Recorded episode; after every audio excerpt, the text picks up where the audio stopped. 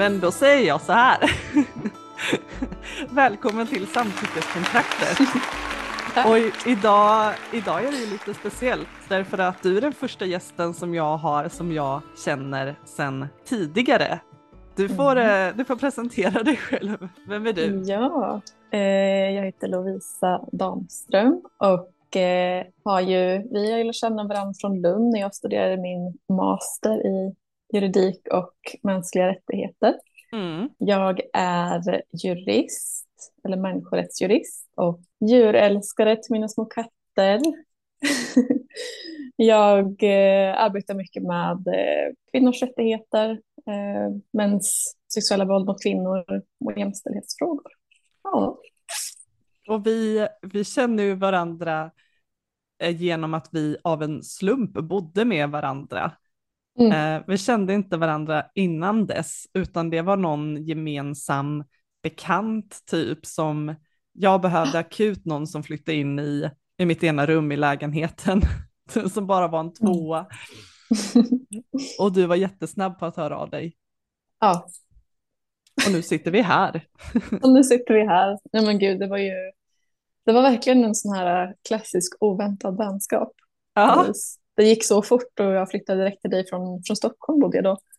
Och sen så bara, ja, fortsatte det. Det mm. måste ju vara typ, ja, mer, alltså typ mer än ja, fyra år sedan som vi först träffades. Liksom. Shit, av vad tiden mm. går. Ja. Mm.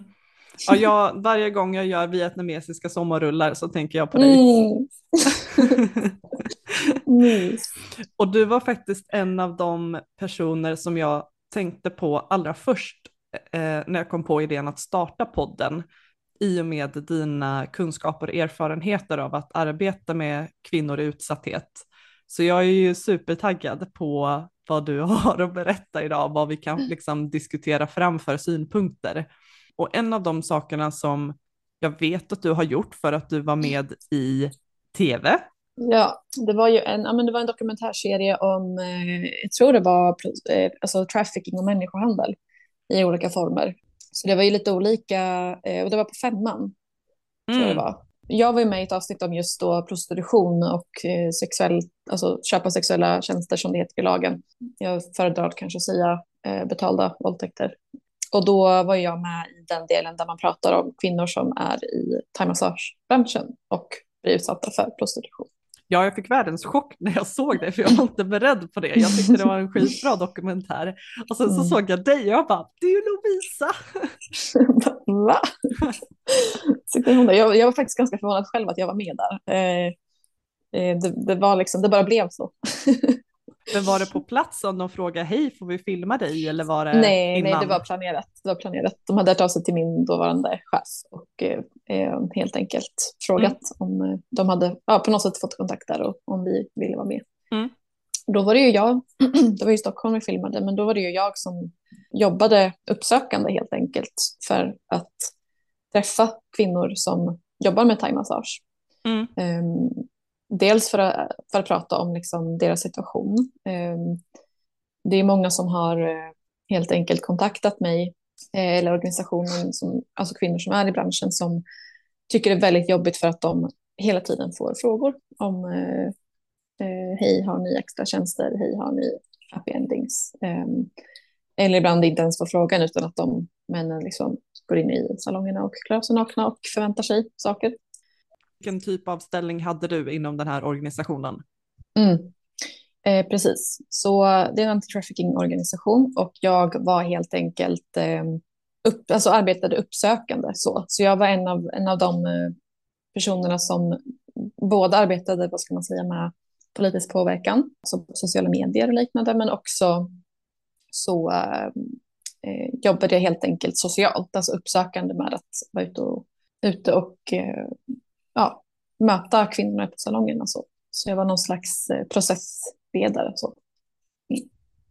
För mig så är det nästan som att den här gruppen av eh, thailändska kvinnor eller kvinnor som arbetar på thailändska massagesalonger är lite bortglömda. Det känns inte spontant som att de är representerade i statistiken, i alla fall av den statistik jag har tittat på. Eh, är det någonting som har slagit dig också? Eh, ja, så är det ju verkligen. Eh, nej, men tittar man i statistik kring, kring eh, prostitution, eh, eller som det heter i lagen, köp av sexuella tjänster, så där ser man ju kanske inte riktigt vilka det är som har blivit utsatta, för att det är ju inte, det är inte liksom lagligt att, att registrera liksom, ålder och eh, etnisk bakgrund och liknande så i statistik. Eh, men däremot så, där som vi ser är ju att, att kvinnor i särskilt utsatta grupper och från minoritetsgrupper inte syns utåt. Det finns inte den typen av representation. Så det ser vi väl också. Vi jobbar ju mycket med det att när jag var i den tidigare organisationen att också de som jobbar i branschen själva får prata om det här och synas. Och det var också del av varför vi intervjuade, när, vi, jag var med i det här tv-programmet, så intervjuade vi ju en, en kvinna som jobbar med thaimassage själv och som eh, arbetar för att branschen ska kunna vara en trygg bransch där man kan ta med sig sin långa kunskap och kultur och tradition till eh, sin eh, hemvistelse i Sverige. Och att faktiskt kunna, kunna försörja sig på det som en seriös bransch. Så. Och den här kvinnan som var med i det programmet, eh, vi, det slutade faktiskt med att hon blev anställd hos oss. Nej, eh, ja, vad kul. Jättehäftigt. Så hon har ju också jobbat jättemånga år själv med att liksom, eh, försöka stötta andra kvinnor i branschen och liksom lyfta upp dem att så här, kom vi kan jobba, jobba hos mig, vi kan jobba seriöst, vi, vi kämpar mot det här problemet tillsammans. Um, och så hon använder ju också då sin kunskap och erfarenhet från både branschen och kring det här att motverka sexköpare eh, att komma dit. Så, så blev hon anställd som en av de här uppsökande som gick tillsammans med mig. Så, eh, Eh, för, dels för att liksom, nå ut och kunna prata thailändska med de som inte kan så bra svenska. Men också eh, för att nå fram och prata på ett sätt som gör att man kan relatera till varandra. Så, så, att, så att hon har ju varit en ovärderlig liksom, person i det arbetet. Ja. Men, men låt oss säga då att du kommer till en thaisalong, eller du kom, för du arbetar inte med det längre, men du kom dit och sen så berättar de anställda där att vi får utstå de här, vad ska man kalla det för, sexuella trakasserierna Eh, ja, regel, alltså för, regelbundet. försök, sexuella trakasserier och försök till sexköp. Ja. Alltså, eller rent av sagt sexköp. Så. Mm. Ja. Vad, vad hände sen efter att du har fått den informationen? Ja, det som vi jobbade mycket med innan jag bytte tjänst, det var ju att prata om det stöd som finns. Både det, det praktiska med att göra en anmälan, hur en anmälan tas emot, hur det skulle kunna gå till. Vi pratar om, men också att informera om att det inte, det inte är så lätt att ett fall faktiskt tas vidare för att det är väldigt svårt att bevisa. Oftast är det ju bara det här muntliga. De har inte, de har inte någon bild eller namn på den här sexköparen, eh, utan då, det har bara hänt liksom, att, att de har kommit in och sen gått ut. Så, så prata om att det är svårt att få den, alltså att det ska liksom gå igenom, även om det är viktigt att göra en anmälan för att det blir statistik på den då. Och det gör någonting i, i samhället liksom i, i, i ett strukturellt perspektiv. Så. Eh, så lite där att få agens för sin egen situation och känna att jag har ändå kunnat göra det jag kan göra. Liksom. Men sen det absolut viktigaste är att visa vart man kan få samtalsstöd mm. om, man, om man blir utsatt eh, och att få möjlighet till en kontaktperson. Så. Men väldigt många av de här, de som vi träffade kanske gjorde en anmälan men sen kände att fan, det, var det ens värt det för det hände ju ändå ingenting. Så, så vi jobbade väl mycket med att prata kring det och varför det känns jobbigt och vad man, vad man kan göra istället. Att, att det som det ledde till egentligen var att vi, vi startade också en, en samtalsgrupp för kvinnor i branschen. Eh, där de fick träffas och utbyta tankar och känslor och erfarenheter. Så att de träffades då och då, om det var en gång i månaden ungefär. Eh, för att helt enkelt stötta varandra och prata om så här, hur kan vi tillsammans eh, höja statusen på thaimassage i Sverige? Eh, hur kan vi hitta egna sätt för att liksom, motverka att sexköpare kommer? Och fråga de här frågorna. Eh, vad behöver vi för stöd och liksom, skydd utifrån? Alltså tänker med alltså, skapa relation med polisen, skapa relation med kanske Arbetsmiljöverket eh, för att känna att det finns de här det finns liksom trygga kanaler att vända sig till. så. Men sen var det inte bara det, så det var också så här, höja statusen på thaimassage leder ju också till att sexköpare inte tar sig dit. För det innebär att har man en seriös bransch eh, så vågar sig inte sexköparna dit. Eh, att man har liksom det här det är öppet, det är fräscht, det är seriöst, det är höga priser för att man värderar, man värdesätter högt den, den praktik man, man har. Liksom. Och, eh, vi pratade mycket om det här med att stärka sig själv som företagare, alltså få känna den här agensen, att man är entreprenör. Och så så det var, ju liksom, det var inte bara att prata om det här med utsatthet, utan också så här, vad är mina förutsättningar i, i det stora hela. Så. Mm. Det mm. låter ju som att det är exakt det som jag och andra, eller de två senaste gästerna har försökt sätta fingret på, just det här att personer som inte kommer från Sverige och inte kan språket behöver hjälp med att orientera sig och öka förtroendet för myndigheter som är mycket lägre än om man är född och uppvuxen här. Superbra arbete. Today, too many feel that the let down. So tell me what's it to you, you. So many raised having nothing. Far away from a good thing. Tell me what we should do, do. Nu har du jobbat inom det här området med sexköp eller ja, vissa kallar det för kommersiell sexuell exploatering. Um, hur skulle du beskriva liksom Sveriges uppfattning av detta ämne med tanke på att vår lagstiftning kanske skiljer sig lite grann från den globala med tanke på att det är lagligt att, eller det är icke straffbart att sälja sexuella tjänster. Eh, men att det är endast mm. straffbart mm. att köpa dem. Mm. Ja, eh, det är en väldigt eh, omdebatterad lag på flera sätt. Syftet med den svenska eh, sexköpslagen är ju att skydda personer som är utsatta för prostitution och trafficking. Absoluta majoriteten, precis som jag har hört föregående gäster eh, berätta, är ju inte frivilligt i prostitution av olika anledningar. Det kan ju röra sig om de mest brutala formerna, att man faktiskt är offer för människohandel, trafficking alltså. Men, och det kan handla om personer som tvingas in i prostitution för att man kommer hit till Sverige och behöver försörja sig. Eller att du behöver försörja dig för att kunna skicka pengar till, till familjen som inte har det så bra ställt i hemlandet. För många av de här kvinnorna i thaibranschen så var det ju den typen av eh, utsatthet för prostitution. Att man, man tvingas in i det för att man... Eh, dels är det väldigt svårt att integreras i det svenska samhället, men dels kan det också komma på de här kortare eh, tre månaders uppehållstillstånden eller vistelsetillstånden och helt enkelt eh, gå till en thaimassagesalong och eh, sättas i prostitution. Så. Och sen har vi ju en del av de kvinnor som befinner sig, eller människor som befinner sig i prostitution i Sverige som har ett, någon form av liksom, eh, psykiskt lidande, eh, man kanske har erfarenheter av trauma, man har eh, kanske ut, eh, utsatts för sexuella övergrepp tidigare i livet och kanske inte har ett så bra socialt skyddsnät helt enkelt och har en sårbarhet som individ.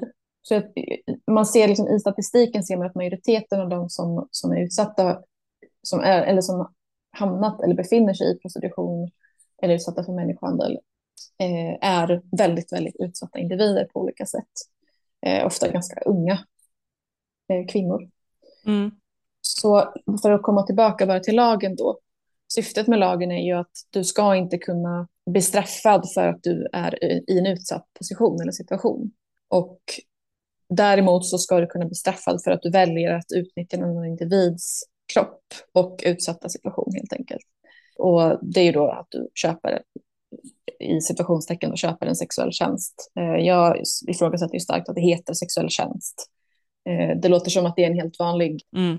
tjänst och vara, vilket vi är människor, vi är inte tjänster. Så, så, att, så att där, det är därför då lagen är så att den straffar den som köper, betalar sig till en, en våldtäkt då, och inte den som är eh, säljer. Då. Det har ju varit på agendan tidigare när den statistiken var hyfsat ny, då det framkom att nästan 10 procent av alla män har köpt sex eller köpt en våldtäkt beroende på hur man liksom ska definiera det. Och det för mig är ju, eller jag tror för de flesta, helt absurda siffror.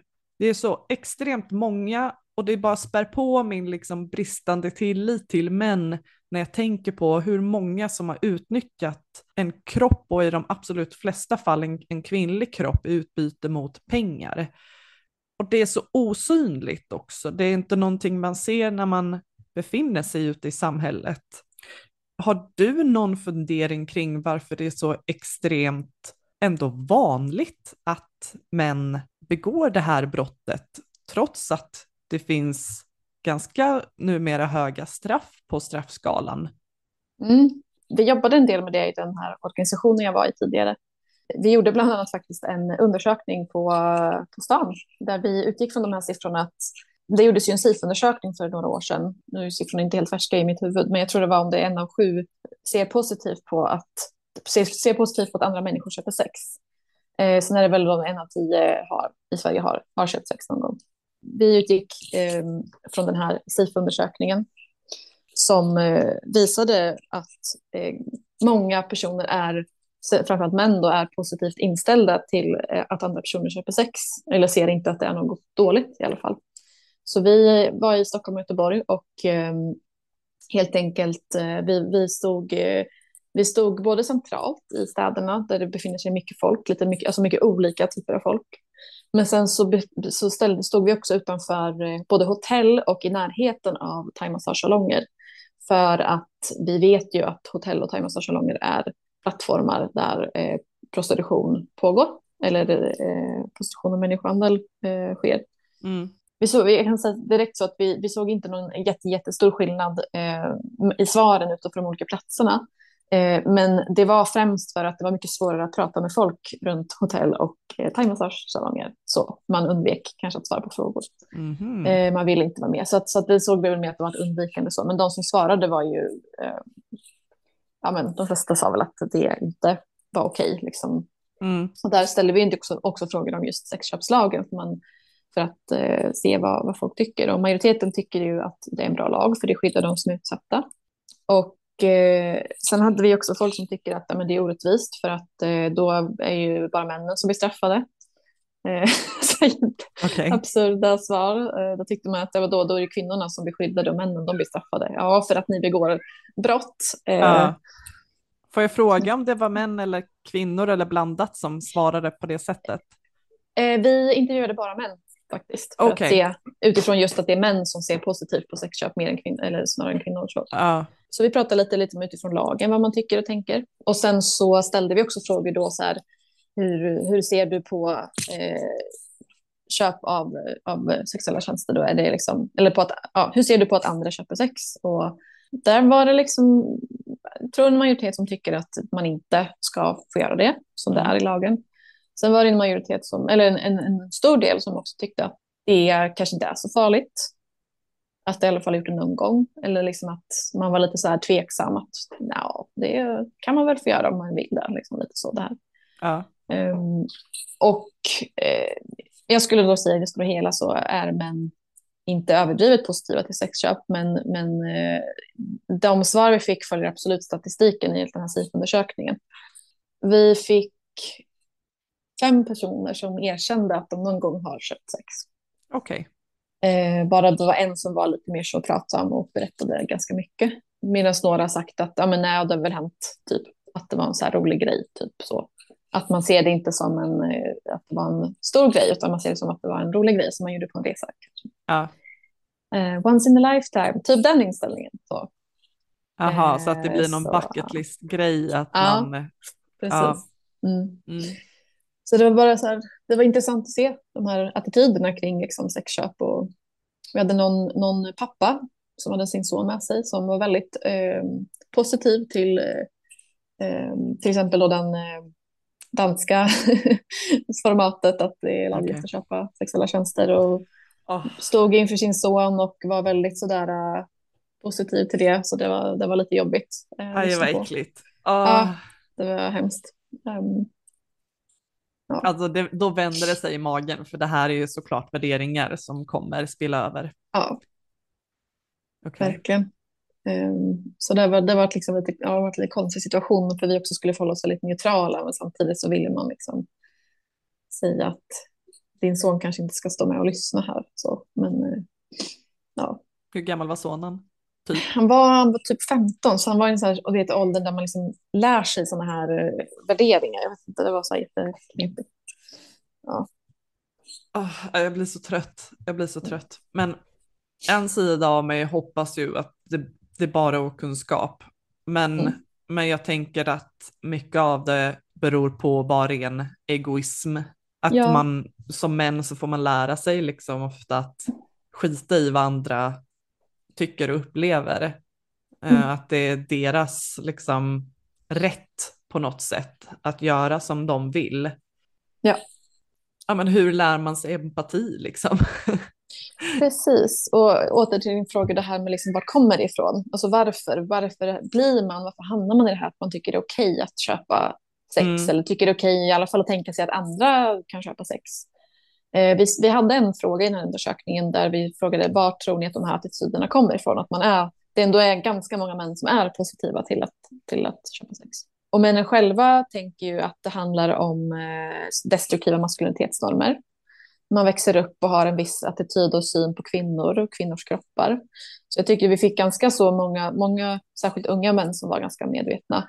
Mm. Och sen så eh, hade vi liksom ganska många som bara sa nej, gud vet inte, det har alltid varit så.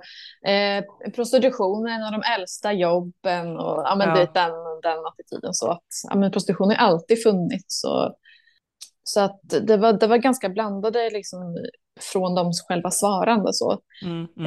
Eh, och jag skulle väl säga att ja, det är en, eh, det är en långt, långt, långt gående tillbakasyn på kvinnors ställning i samhället. Mm. Eh, på fattigdom, på socioekonomisk utsatthet.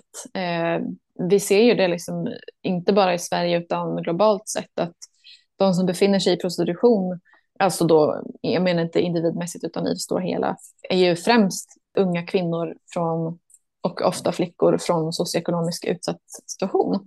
Alltså man lever i extrem fattigdom eller man har, eh, man har inte möjlighet att få en annan form av inkomst. Så, mm. så, att, så att jag liksom, det är ju helt enkelt ett alltså kulturellt arv av utnyttjande av utsatta kvinnor och flickor, kvinnor och mm. barn. Liksom. Mm. Um, som har normaliserats? Bra svar.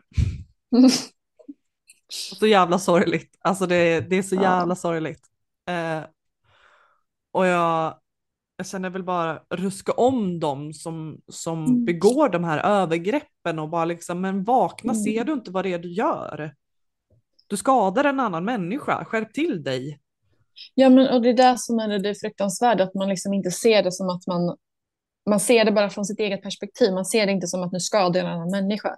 Mm. Uh, jag tänker om man liksom går... Nu är det ett jättetröttsamt och uttjatat exempel, men han, Paolo Roberto till exempel, att, han, mm. att det blir en hel liksom, bubbla kring hans, hans lidande. Uh, i, det stora, i, det, I det hela institutionen, att han lider och han har det svårt och han väljer att göra den här dumma, dumma, dumma grejen. Och det, han känner skuld för sin familj, men han känner, säger ingenting om den här kvinnan som har blivit utsatt för hans eh, köp, sex, sexköp eller övergrepp. Eh, vilket också visar sig sen att hon är ju en väldigt utsatt kvinna från utlandet. Och hennes eh, liv blir helt osynliggjort.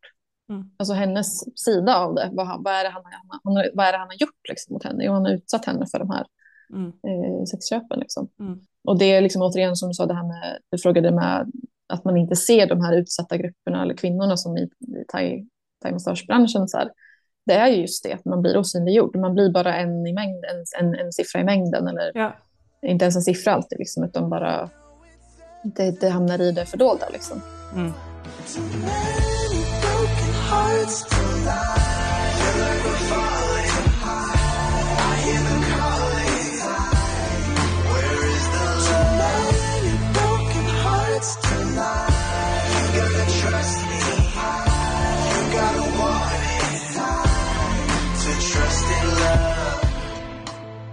Men vi går vidare till nästa ämne och jag tänker att min uppfattning av det här avsnittet är ju lite grann att det har varit mycket fokus på prostitution eller kommersiell sexuell exploatering, köp av eh, sexuella tjänster, köp av våldtäkt, liksom det ämnet och en övergång till antalet anmälda sexualbrott, förtalsfrågan och, eh, och hela den biten. Och det är ju för att du faktiskt har skrivit din masteruppsats om specifikt ämnet förtal och med titeln Hashtag MeToo, men sexual violence against women and the chilling effect of defamation lawsuits. A feminist critique of the Swedish criminal justice system. Jag får uh, infoga en applåd här. Bra, bra jobbat uh, med den. Vill, vill, vill du berätta om din masteruppsats? Nej, men under metoo 2017 som du vet så var det ju eh, väldigt, väldigt många kvinnor och personer som utsatts för sexuella övergrepp och våldtäkter som eh, helt enkelt skrev hashtag metoo för att man också hade blivit utsatt. Vissa av de här kvinnorna som skrev och berättade om sina erfarenheter av våldtäkt, deras inlägg spreds ganska brett till den grad att det nådde fram till deras förövare för att innehållet de hade skrivit kunde kopplas till de här förövarna då, eller till de här männen. Eh, inte nödvändigtvis för att man hade nämnt dem vid namn, men för att det gick ändå att koppla till dem på något vis. Så vissa, fallen, vissa av inläggen om de här våldtäkterna spreds mer än andra.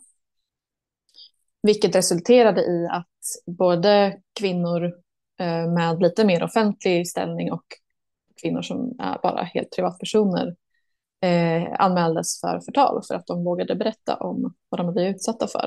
Mm. Och de som anmält dem för förtal är ju då alltså de männen som det handlar om som har eh, begått de här övergreppen. Och metoo användes ju då som, som plattform för att uttrycka frustrationen, eller delvis om att uttrycka frustrationen över att det händer fan ingenting när man anmäler en våldtäkt. Om du inte har jättestarka bevis, och det är väldigt ovanligt att du har det. Ofta händer det kanske tidigare i ditt liv och du har inte vågat eller ens tänkt på att anmäla, du har inte ens fattat att du varit med om ett övergrepp. Eller så anmäler du men det går inte att bevisa att du blivit utsatt. Helt enkelt. Och de här kvinnorna väljer ju då att i ren frustration berätta vad som har hänt för att de har inte fått någon rättvisa under sina liv och under de perioderna de har faktiskt vågat anmäla till svenska rättssystemet. Samtliga fall av eh, de här som, som blev anmälda för förtal jag kommer inte ihåg om alla hade anmält, jag tror att majoriteten hade anmält sina förövare för våldtäkt. Eh, de fallen hade blivit nedlagda. Det innebär alltså inte att fallen hade blivit ner, alltså ogillats, alltså att de sa att nej, det har inte skett en våldtäkt, utan de läggs ner för att det inte finns bevis. Så att, att de här kvinnorna då, att de anmält förövarna och fallen lades ner. Man har helt enkelt inte kunnat bevisa om det var skett en våldtäkt eller inte. Så, vilket är jättevanligt, som jag sa tidigare. Och därför så skriver kvinnor i frustration att jag blev utsatt för det här och det ska fan inte behöva hända. Så, och jag har inte fått någon rättvisa i mitt, mitt fall. Liksom. Mm. Så det är lite grann ett ja. uttryck av upprättelse Aha. liksom? Att ja, få ja, upprättelse? Ja, verkligen att få upprättelse. Eh, precis så. Och ställa både förövare och liksom svenska staten till svars egentligen. Alltså vad är det som händer? Varför, varför, varför blir det så här? Men också för att visa såklart att vi inte är ensamma. Så det som det sen leder till då som sagt, de här inläggen som vissa av kvinnorna, när jag skrev uppsatsen var, tror jag var det fem fall som det fanns en dom på, så det var de jag använde mig av. Eh, de blir alltså anmälda för förtal av de här männen som de eh, då uttrycker har begått sexuella övergrepp mot dem. Och det handlar ju om att männen upplever att den här spridningen av de här inläggen har till så pass stor grad kränkt deras rykte och värdighet. Och, och, i svensk lag så är ju då förtal en av de få sätten att begränsa yttrandefriheten som är lagliga. Och det är, i Sverige har vi ett ovanligt, stark, ett ovanligt starkt skydd för förtal. Där helt enkelt att har du eh, till en, en viss grad fått ditt rykte förstört eller kränkt så kan du då döma, någon annan kan då dömas eh, för förtal. I det, I det hela så kommer ju såklart en eh, feministisk frustration. Hur fan kan det vara så här? Att de som utsätts för sexuella övergrepp blir förövare. Alltså som att, att de anmäls till, till förtal. Eh, och att de här männen får så mycket utrymme att eh, helt enkelt berätta hur synd det är om dem för att de har blivit förtalade. Och absolut, en, alltså ett förtal det är, det är fruktansvärt att vara med om för att man, man kan ju tappa alla sina sociala kontakter och sitt trygga nätverk och sitt sammanhang. Så man kan förlora sin karriär. Så det, det finns en anledning till att man skyddar personer genom att det finns eh, möjlighet att, eh, alltså den här förtalsregleringen. Men i det här fallet är det en väldigt, det är en väldigt särskild situation för att det handlar om att de här männen också är anklagade för brott eh, mot kvinnor. Då. Så att min liksom, eh, feministiska frustration landade väl i då att kvinnor socialt sett begränsas i sin yttrandefrihet för att vi, vi tystas ner att prata om sexuellt våld och sexuella både av samhället men också av den svenska, det svenska rättssystemet på vissa sätt. Vi mm. har ju, vi har ju liksom lagar som skyddar oss mot våldtäkt och eh, lagarna förbättras ju hela tiden. Men vi, det, det, är en extrem tystnadskultur och, och det är väldigt svårt att, att få stöd och hjälp när man har blivit utsatt mm. av rättssystemet. Vi kan ju ha fantastisk sjukvård och psykologer och, och, den typen av vård som man får stöd av. Men, men det här att få liksom rättsskipning eh, mm. är ju jättesvårt. Mm. Min uppfattning är ju typ att balansgången mellan att skydda integriteten hos den som blir anklagad och kvinnors rätt till att utöva yttrandefrihet leder till att kvinnor blir diskriminerade och att liksom, integriteten hos de som blir anklagade, den väger tyngre än yttrandefriheten hos kvinnorna. Är, är det liksom, skulle du hålla med om det? Ja, absolut. Det, det är en, en, stor del av det. Liksom. Mm, mm, det men, och det blir också det här liksom att vi, alltså kvinnor som utsätts för sexuella övergrepp och våldtäkter har ingen plattform att få rätt, rättsskipning, alltså att få det rättsliga stödet du behöver. Och därför så leder det till att man uttrycker sin frustration i sociala medier. Alltså vi har liksom, vart ska vi uttrycka oss om inte om vi inte får, om inte det, det svenska rättssystemet lyssnar på oss, mm. eh, vart ska vi uttrycka den frustrationen? Vart ska vi ställa eh, män som begår sexuella övergrepp till svars? Mm. Så det handlar, hamnar väl liksom där, att, att där det handlar om att kvinnors yttrandefrihet begränsas, det är ju just det här med att man inte hittar någon väg att få, få stöd och få rätt i sitt, sitt, sin situation. Och när man då vågar äntligen göra det här och man hittar andra som har varit med om liknande, då blir man en förövare plötsligt själv. Mm. Och det som jag sen gör det ju i, i den här uppsatsen, det är ju att jag går in i de här fem rättsfallen och un undersöker hur har domstolarna dömt fallen, vad är det de tittar på, vad är det som gör att man inte kan, det är så specifikt att det är just då kvinnor som har blivit utsatta för sexuella övergrepp, anmält och det har lagts ner i brist på bevis. Det är ju inte så att de här männen har blivit friade, alltså att de inte har begått en våldtäkt, att det är den domen, utan det är bara brist på bevis det läggs ner. Mm. Um, och de har inte heller blivit dömda. Så. I svensk lag, som jag sa, vi har ett väldigt, väldigt starkt skydd att skydda eh, mot förtal.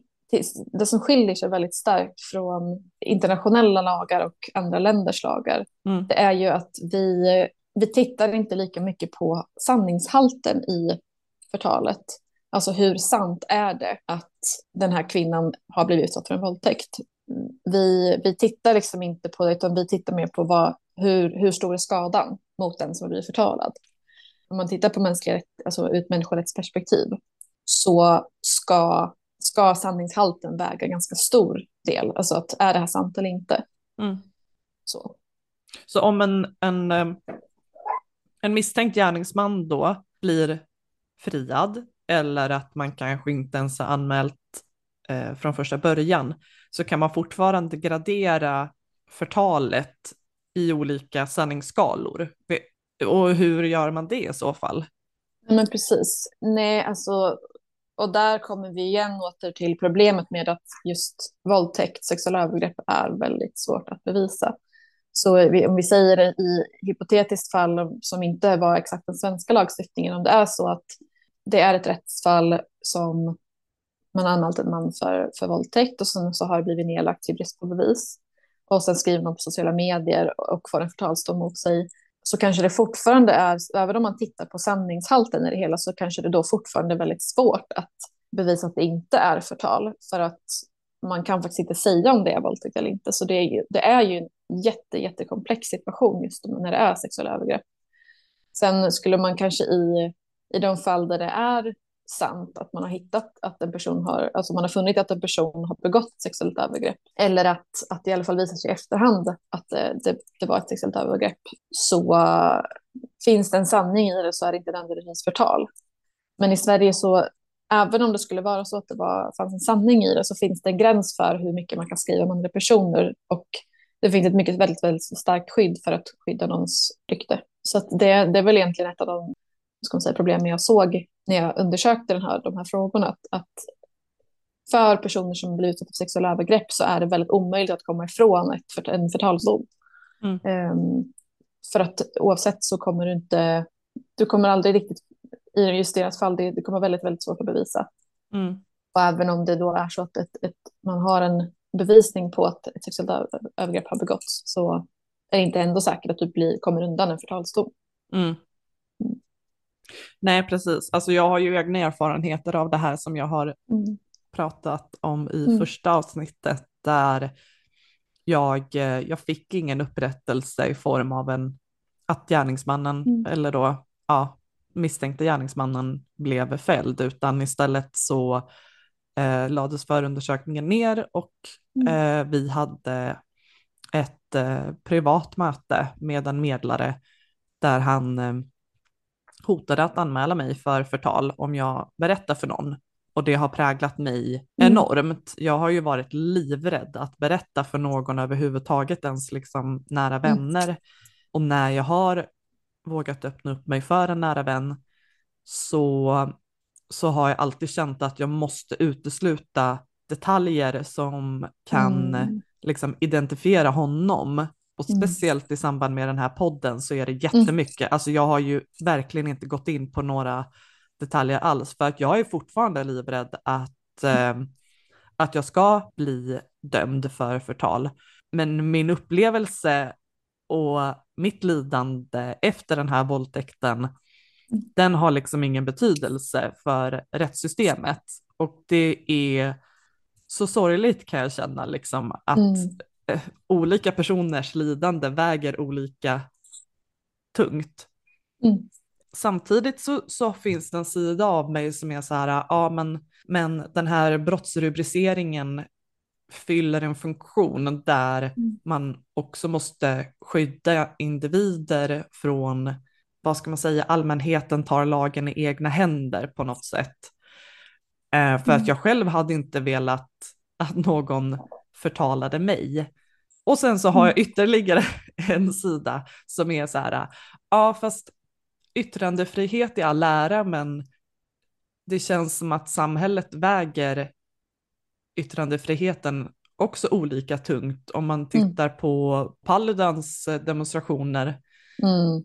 där han liksom fick bränna Koranen och fick tillåtelse av svenska myndigheter att göra det. Mm. Hade det varit en muslimsk man som skulle bränna en bibel så hade ju det aldrig gått igenom. Nej. Och ha, vad jag vet så har inte Paludan blivit dömd för något hatbrott eller kränkning av någon form. Däremot de här, det här enorma våldet mot poliserna mm. som var liksom följden av koranbränningarna. Där är det jättemånga som har blivit dömda. Så att det är också lite så här, det känns som att det finns en obalans i samhället och en orättvisa liksom. Det gillar jag inte. Nej, och det, jag, tänker att, att, jag tänker att det också, det finns någonting där, det här att vi, tittar man på olika typer av uh, förtalsfall så när det då till exempel involverar sexuellt våld så, så är det ganska självklart att man, man döms. Och jag tycker man ser där liksom den här obalansen, den finns ju i så himla många olika typer av, eh, eh, ska man säga, tittar man på juridiken, alltså rättsfall och så, tänker bara det här med eh, kvinnor som blir utsatta för våld i nära relation eller, eller till exempel då vid en, vid en skilsmässa så är kvinnan kanske inte bara utsatt för våld utan man har också en extrem utsatthet för eh, eh en svag ekonomi, vart ska man få tag på ett boende?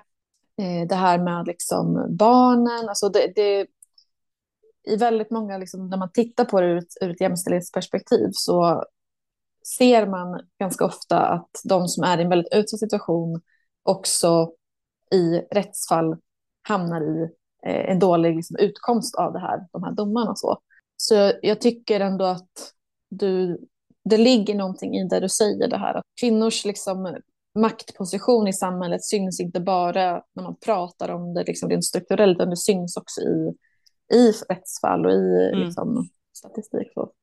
Mm, alltså för mig som både har hund och barn så förstår mm. jag innebörden av att vara konsekvent. Um, och när man inte är konsekvent så skapar det frustration och förvirring. Um, och om jag ska dra den parallellen till liksom rättssystemet så känns mm. det likadant där. Att liksom, jag är förvirrad. Varför värderas olika personers upplevelse olika? Mm. Är det ett sexistiskt och rasistiskt uttryck? Eller finns mm. det, finns det liksom någon form av rättvisetänk bakom det? Eh, det känns spontant mm. inte som det kan jag ju alltså, säga. Jag säger typ så här både och. För jag tänker att lagen är utformad så att den ska vara lika för alla. Alltså du ska inte liksom, eh, utifrån vem du är så ska inte lagen säga olika saker. Att du ska inte liksom höja eller sänka någons position utan den, den appliceras lika för alla. Eh, det som då händer i praktiken är att vi inte alla har samma förutsättningar. Och då blir såklart domarna olika. Alltså utfallen blir väldigt, väldigt olika för olika individer. Och dessutom då så tar man inte beaktning av att i eh, sexualbrottsfall så kanske det inte är alla domare som har kunskap om just sexualbrott. Alltså, eller inte tillräcklig kunskap om eh, sådana här typer av maktstrukturer och obalans eh, mellan kvinnor och män. Och eh, även jag tänker liksom i barn, alltså barnrättsfall har man tillräcklig kunskap som, som den som är domare liksom, i fallet. Så. Eh, där ser man ju att eh, jag, jag gjorde praktik på Sveriges kvinnolobby ett tag så pratade vi, eller hade vi, vi anordnade just en, en, eh, en konferens eller en webbsändning om just ekonomisk jämställdhet eh, där vi hade mm. en jurist som pratade om det här hur det kan vara så att kunskapen ibland brister eh, i rättssystemet om de här typerna av grupperna och utsatta individer. Och då döm, döms man kanske inte på det sättet som man hade önskat. Eller man får inte den, den mm. rättvisa man hade önskat. Mm.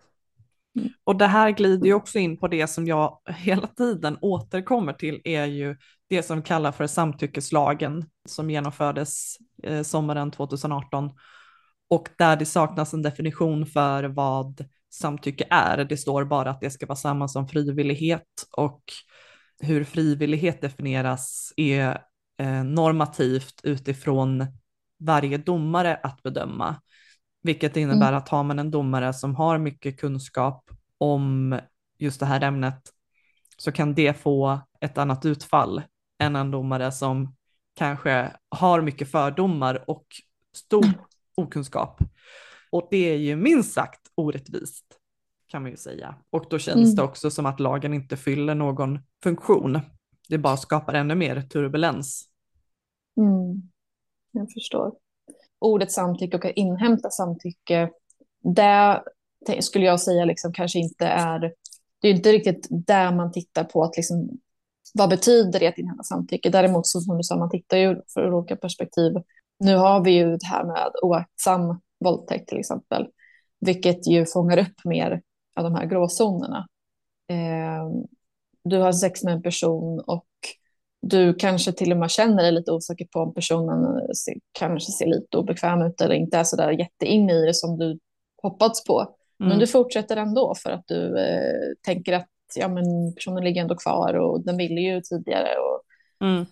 ja, den kanske säger att den, så här, man frågar kanske, ja, vill du fortsätta? Ja, jag vet inte. Ja, så mm. fortsätter man. Alltså, alla de är tecken på att säger du inte visar du inte med hela kroppsspråket att du är så här, att du vill och du är, du är liksom mjuk och varm och glad och kåt och du um, säger att ja, jag vill fortsätta liksom, och, och att, att du verkligen har checkat av med din partner och du säger osäker, men då, då har du kanske på något sätt gjort så mycket du kan för att inhämta ett samtycke i den situationen. Men om du inte reagerar, reagerat på de här, eh, liksom, du har inte uppmärksammat att den du är med kanske har någon slags tveksamhet, du kanske inte är, den kanske inte är lika aktiv och du, du struntar lite i det där, du ser det kanske men du struntar lite i det, ja men då är det en oaktsam våldtäkt. Mm. Um, men, Alltså rätta mm. mig om jag har fel, men mm. alltså, den här uh, nya brottsrubriceringen oaktsam mm. våldtäkt tänker mm. jag automatiskt borde leda till många fler fällande domar. Mm. Men det har varit alltså så här, uh, nästan löjligt få antal som har blivit dömda under det här. Eh, alltså vi snackar om typ under 20 de första åren. Liksom. Nu vet jag inte hur många det har varit i år till exempel. Eh, men, men jag tänker ju mig att om man liksom gör det ännu tydligare att ännu fler borde dömas, men det känns som att det har blivit typ tvärtom. Det känns nästan som ett hån att antagligen så är det här ett vanligt brott, men mm typ ingen blir dömd för det. Ja, jag, jag håller verkligen med det du säger, att liksom det blir så här, ja, så har man infört det här och så bara, ja, vad fan betyder det?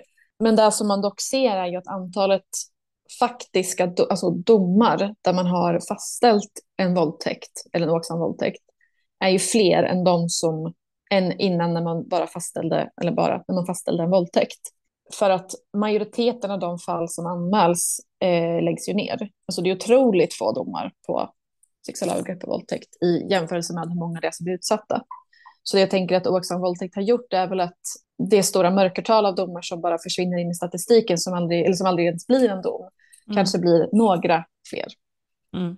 i den här eh, stora, stora höstacken. Eh, av, en, en, ännu en liten nål i höstacken, men det blir ändå en till nål. Alltså, jag tänker lite så. Mm. Den kanske leder till några fler fällande domar. Mm. Och att åtminstone att, att, för lagarna är ofta utformade för att vara förebyggande också fler ska förstå konsekvenserna av att inte inhämta aktivt in, hela tiden aktivt inhämta samtycke. Sen är det en stor debatt i sig, vad, vad gör lagar egentligen? Och ja. Oavsett hur höga straff vi har så fortsätter folk begå brotten. Mm. We should care about tomorrow Start the acting of sorrow Time to open the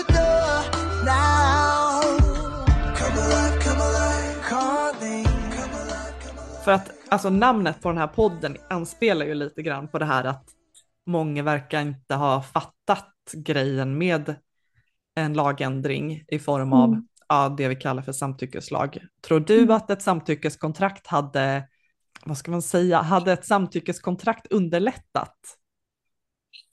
Som vissa uppfattade som, liksom att om, om man kryssar i och signerar så har man ryggen fri. Uh, uh, nej, det finns ingenting som heter samtyckeskontrakt skulle jag säga.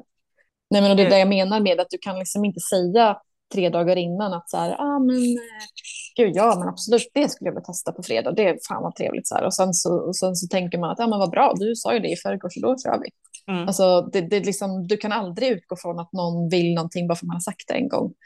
Um, jag minns när jag var, när jag var tonåring, jag tror det var högstadiet, så var det en, eh, en tjej som berättade att eh, hon hade haft en fantasi om att bli så här väckt på natten av att hennes kille liksom tog på henne och hon tyckte det hade så här, men berättade att det var liksom jättespännande och att hon hade haft en lite sådär, oh, det hade känts lite så här, men lite busigt liksom så. Ja.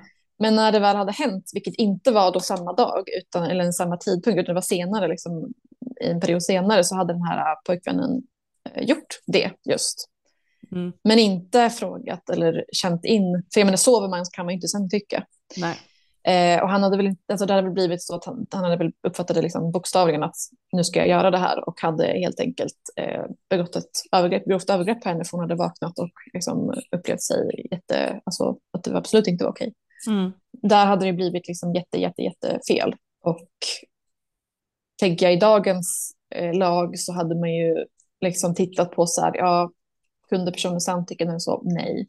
Eh, hade du inhämtat, försökt inhämta samtycke? Nej. Eh, och även i en, i en sexuell relation med din partner. Att, eh, jag tror särskilt ibland faktiskt också i just partner, när du är ihop med någon och har varit länge, att man, man glömmer lite bort att det är viktigt att inhämta samtycke även i en långvarig relation. Mm. Jag, menar, jag och min, min partner vi jobbar väldigt mycket på det för att jag också blivit utsatt för sexuella övergrepp tidigare i livet. Eh, som jag har gått i, i traumabearbetning för. Eh, för mm. jag har inte, hade inte förstått hur illa det var, hur mycket det mm. påverkat mig. Jag, hade, jag har haft flashbacks när jag har haft sexuella relationer med min nuvarande partner från då tidigare övergrepp för att jag hade inte förstått vad jag hade varit med om förrän jag började gå i terapi. Liksom så. Okay. Um, ehm, och i och med det så har vi liksom, vi har en väldigt, väldigt, väldigt fin konversation alltid när det kommer till intimitet. Känns det bra när jag tar här? Vill du göra si eller så? Minsta osäkerhet så slutar vi direkt och håller om varandra. Så även om det inte är något jättestor grej att, att liksom hela tiden vara inkännande och det kanske är liksom att vi gör det för att man gör det, vi gör det i vår relation för att du vet, man, det, det har varit viktigt. Men ju mer jag gjort det, ju mer jag insett att det här borde man inte bara göra i en relation där ena parten har blivit utsatt för någonting. Mm. Utan den här typen av inhämtande av, av hur känns det, hur mår du, vill du fortsätta eller inte? Att man behöver vara mer kommunikativ i vilken relation som helst. Ja. Eh, för bara för att du är ihop och kär så betyder det inte att du alltid vill bli tagen på på ett visst sätt Precis. eller ha sex. Eller, och att, att neka till sex betyder inte att man nekar till att få kärlek eller ge kärlek till en person, utan det handlar om ens egna kroppsintegritet och den har du alltid rätt till. Mm, mm. Um, oavsett vem du är med. Har du lyssnat på avsnittet Samtyckeshjulet? Mm. Och jag rekommenderar den som lyssnar på det här att eh, även lyssna på det avsnittet, för det berör väldigt mycket av det Lovisa säger, att ha en, eh, en kontinuerlig kommunikation under eh, även utanför liksom den sexuella aktiviteten. Det är liksom all, all intimitet, även i vardagen, där man måste uttrycka vad man eh, vill, inte vill, vad man önskar göra med den andra, vad man önskar att den andra gör med en själv och så vidare.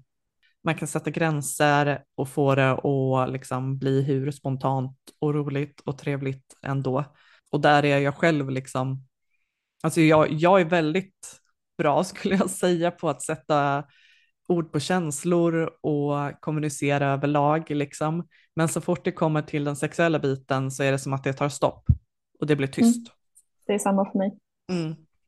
Så att för mig var det ett liksom väldigt viktigt avsnitt um, att lyssna på.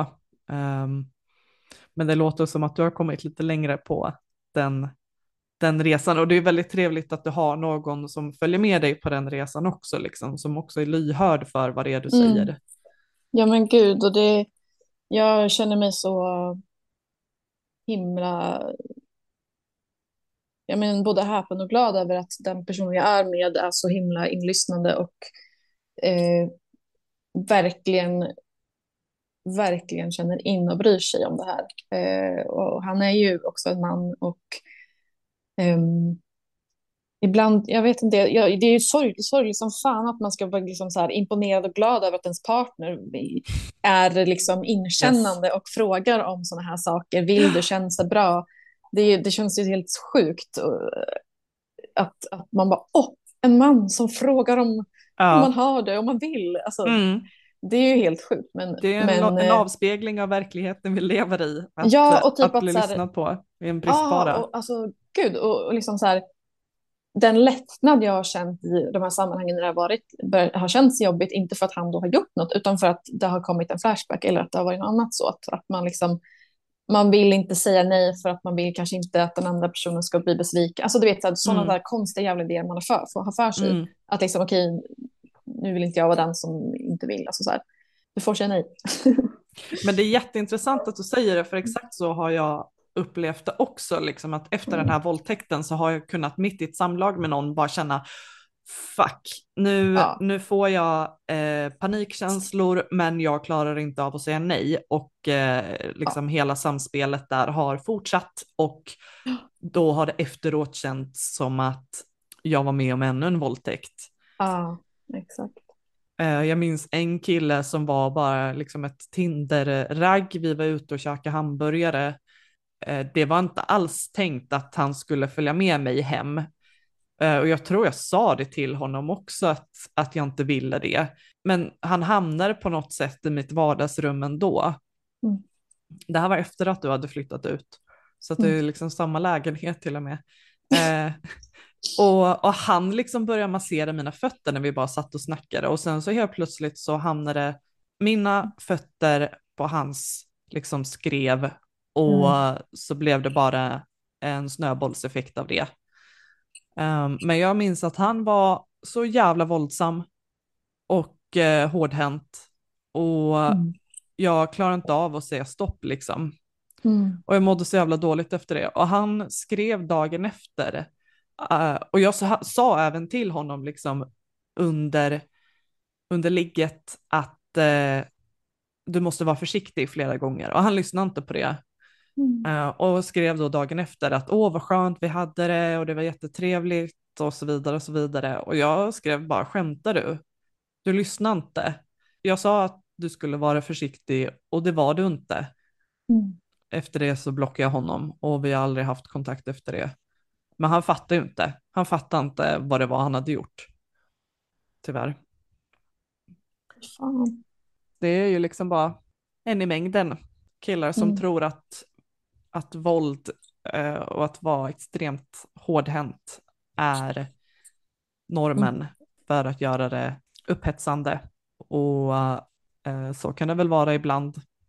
Mm. Men eh, det är väldigt få gånger som jag upplevt att de har kontrollerat så att den andra personen är med på det för att det blir lite motsägelsefullt att ska man vara väldigt dominerande framåt, eh, mm. ta för sig så går det emot att helt plötsligt ställa en fråga ja vänta, ja. tycker du att det här är skönt? Eller vill du det här? Så att de ja. kör på samma spår hela tiden. Liksom. Ja, men alltså, alltså det, är så här, det är så sjukt, för, för många är så här, ah, men vadå, man måste fråga lite, tar man ju bort spontaniteten. Nej, mm. men för mig är en fråga alltid bättre än att bara köra på. Särskilt om man då, alltså det här med att, ha hårt sex utan att alltså, fråga om personen vill eller att det känns bra. Och, alltså, det är ju helt sjukt. Jag, menar, mm. hårt, det, jag tror många har normaliserat att man ska ha hårt sex. Men att ha hårt sex är ganska extremt. Alltså så här, att, att liksom, det är ändå så hårt sex betyder ju, tänker jag, indirekt att på något sätt så ska det ju vara ganska rough och det kanske till och med ska orsaka lite smärta. Alltså, mm. Jag vet inte, det är som att det är, så här, det är normaliserat att man ska ha ont under samlag för att det mm. ska vara så, då är det riktigt sex, eller va? Mm. Jag tror någonstans att det är rädsla för att det ska bli för intimt. Eh, och att risken tror jag liksom ökar ju sämre man känner varandra typ. Jag säger inte mm. att det här alltid är så, men jag tror ju någonstans att eh, liksom, är man inte kära eh, och bryr sig väldigt mycket om den här andra personen mm. så innebär det kanske en ökad risk för att liksom ta till metoder för att skydda sig själv liksom. Jag vet inte. Ja. Det är min, eh, min uppfattning i alla fall. Verkligen, och lite det här liksom att jag tror har man med sig någon gång i grund och botten ett, ett sexuellt övergrepp och man, det sätter sig så jävla djupt. Särskilt tänker jag, eller inte nödvändigtvis, men, men ganska ofta också den här, den här första gången någonting händer. Um, det är som att det sätter sig i ryggmärgen hur man reagerar och att man, det är en överlevnadsinstinkt. Eh, det här med att till exempel att inte våga säga ifrån.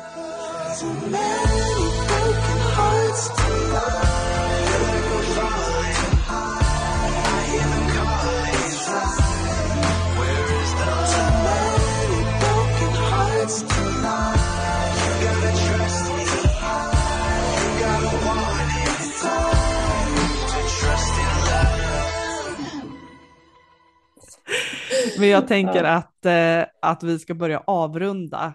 Jag har en sista fråga och det är ju ingen kort fråga heller mm. liksom.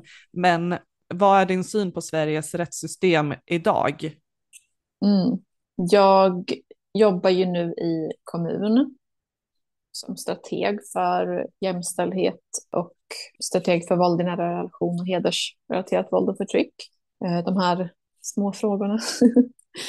Eh, jag har ju gått lite mer från det här från civilsamhället till att gå in i det här sega systemet som behöver förändring. Eh, för det jag märker i det svenska rättssystemet och i kommunerna så ligger vi ganska långt efter vart civilsamhället och verkligheten ligger.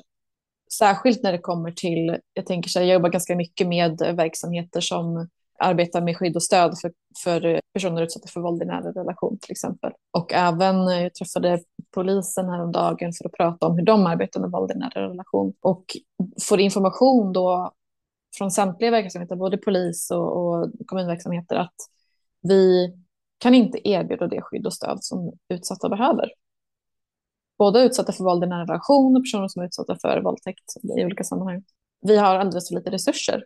Och det tycker jag säger ganska mycket, att eh, vi uppmärksammar mäns våld mot kvinnor och barn och vi, eh, vi, vi vet vad vi behöver för skydd och stöd egentligen, men på praktisk nivå i myndighet och kommuner så sker det inte så fort och man, man har inte tillräckligt med resurser. Och jag tycker att det svarar upp ganska mycket för det här med att vi har så få fällande domar, vi har inte tillräckligt folk som har tillräckligt med spetskunskap på området. Vi kanske inte samverkar tillräckligt bra mellan olika verksamheter och myndigheter. Så att jag sitter ju nu i min roll, det är ju en sån här kommunövergripande roll, så jag, jag jobbar ju liksom inte i då verksamhet med individer, utan jag jobbar mer med det här strategiska, hur ska vi tänka framåt, det här förebyggande. Liksom. Så, eh, så det känner jag är en jättestor utmaning just nu, att här, hur får vi ihop det här i en, i en, en kommun bara? Det här är ju ett nationellt problem, men, men att jobba med en kommun, bara det är jättesvårt. Så jag ser hoppfullt på för det finns folk som verkligen kämpar för förändring och de här hjältarna som jobbar, eh, som de här poliserna jag träffade och de här, eller får inte använda ordet hjältar, men de här starka, liksom, de, här, de här individerna som verkligen lägger sin, hela sin liksom, energi och sin, sin tid och karriär på att stötta utsatta människor och se dem för dem de är och inte bara som en massa i mängden av utsatta människor utan det här är liksom kvinnor och barn. De, är ju, de gör ju ett fantastiskt jobb. Tror, tror du att det eh, kommer bli någon skillnad med en ny regering? Kortfattat bara, tror du det? Liksom. Oh, det, ja. det, är ett avsnitt i sig. Det är ett avsnitt i sig. Men din eh, känsla, är du liksom orolig eller ja, hoppfull? Både och. Jag, ja. um, jag, jag, ser inte positivt på den nya regeringen, men, men uh, jag vet ju till exempel att SD, som jag verkligen inte stöttar, um, de har ju också önskat mer satsningar på arbetet mot hedersrelaterat våld och förtryck, men kanske mer i syfte för att de vill utvisa folk och inte för att eh, skydda utsatta för hedersförtryck. Men, men eh, där, ja, om något så kanske det medför någonting. Men, mm. De har ju gått ut och ehm. sagt att det polisiära arbetet ska vara en kopia av det danska.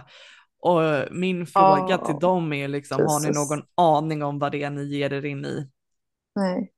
Jag har ju bott med en polis, dansk polis i över ja, flera år liksom mm. och bott i Danmark i flera år och mm. eh, jag har inte så jättemycket positivt att säga om, om deras metoder mer än Nej.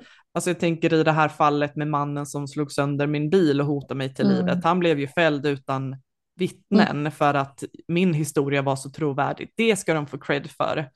Men eh, jag skulle nog vilja påstå att eh, den är rätt så rasistiskt präglad. Ja, och det är väl det, eh, det man vill uppnå tänker jag. Absolut. Eh, och jag menar SDs eh, eh, jämställdhetspolitik är ju typ lika med noll. Alltså de, de är ju ganska motsträvande i hur Sverige arbetar med jämställdhet. Så att, eh, jag tror inte syftet är att öka jämställdheten i alla fall. vi får se. Vi, vi får, se. se. To be mm. continued. ja, nej men du, alltså tack för en så jäkla bra diskussion. Jag känner att alltså, min puls den är så jäkla hög, jag vill bara fortsätta. Men det kan ju vara att, eh, att jag hör av mig till dig igen och frågar om du vill vara Absolut. med fler gånger. Ja, man kan, ju, man kan ju dyka in i olika ämnen för det finns alldeles mycket att prata om. Jag håller med. Men i alla fall, tack så jättemycket för att du ville vara med. Ja, tack själv. Jättefint att få vara här.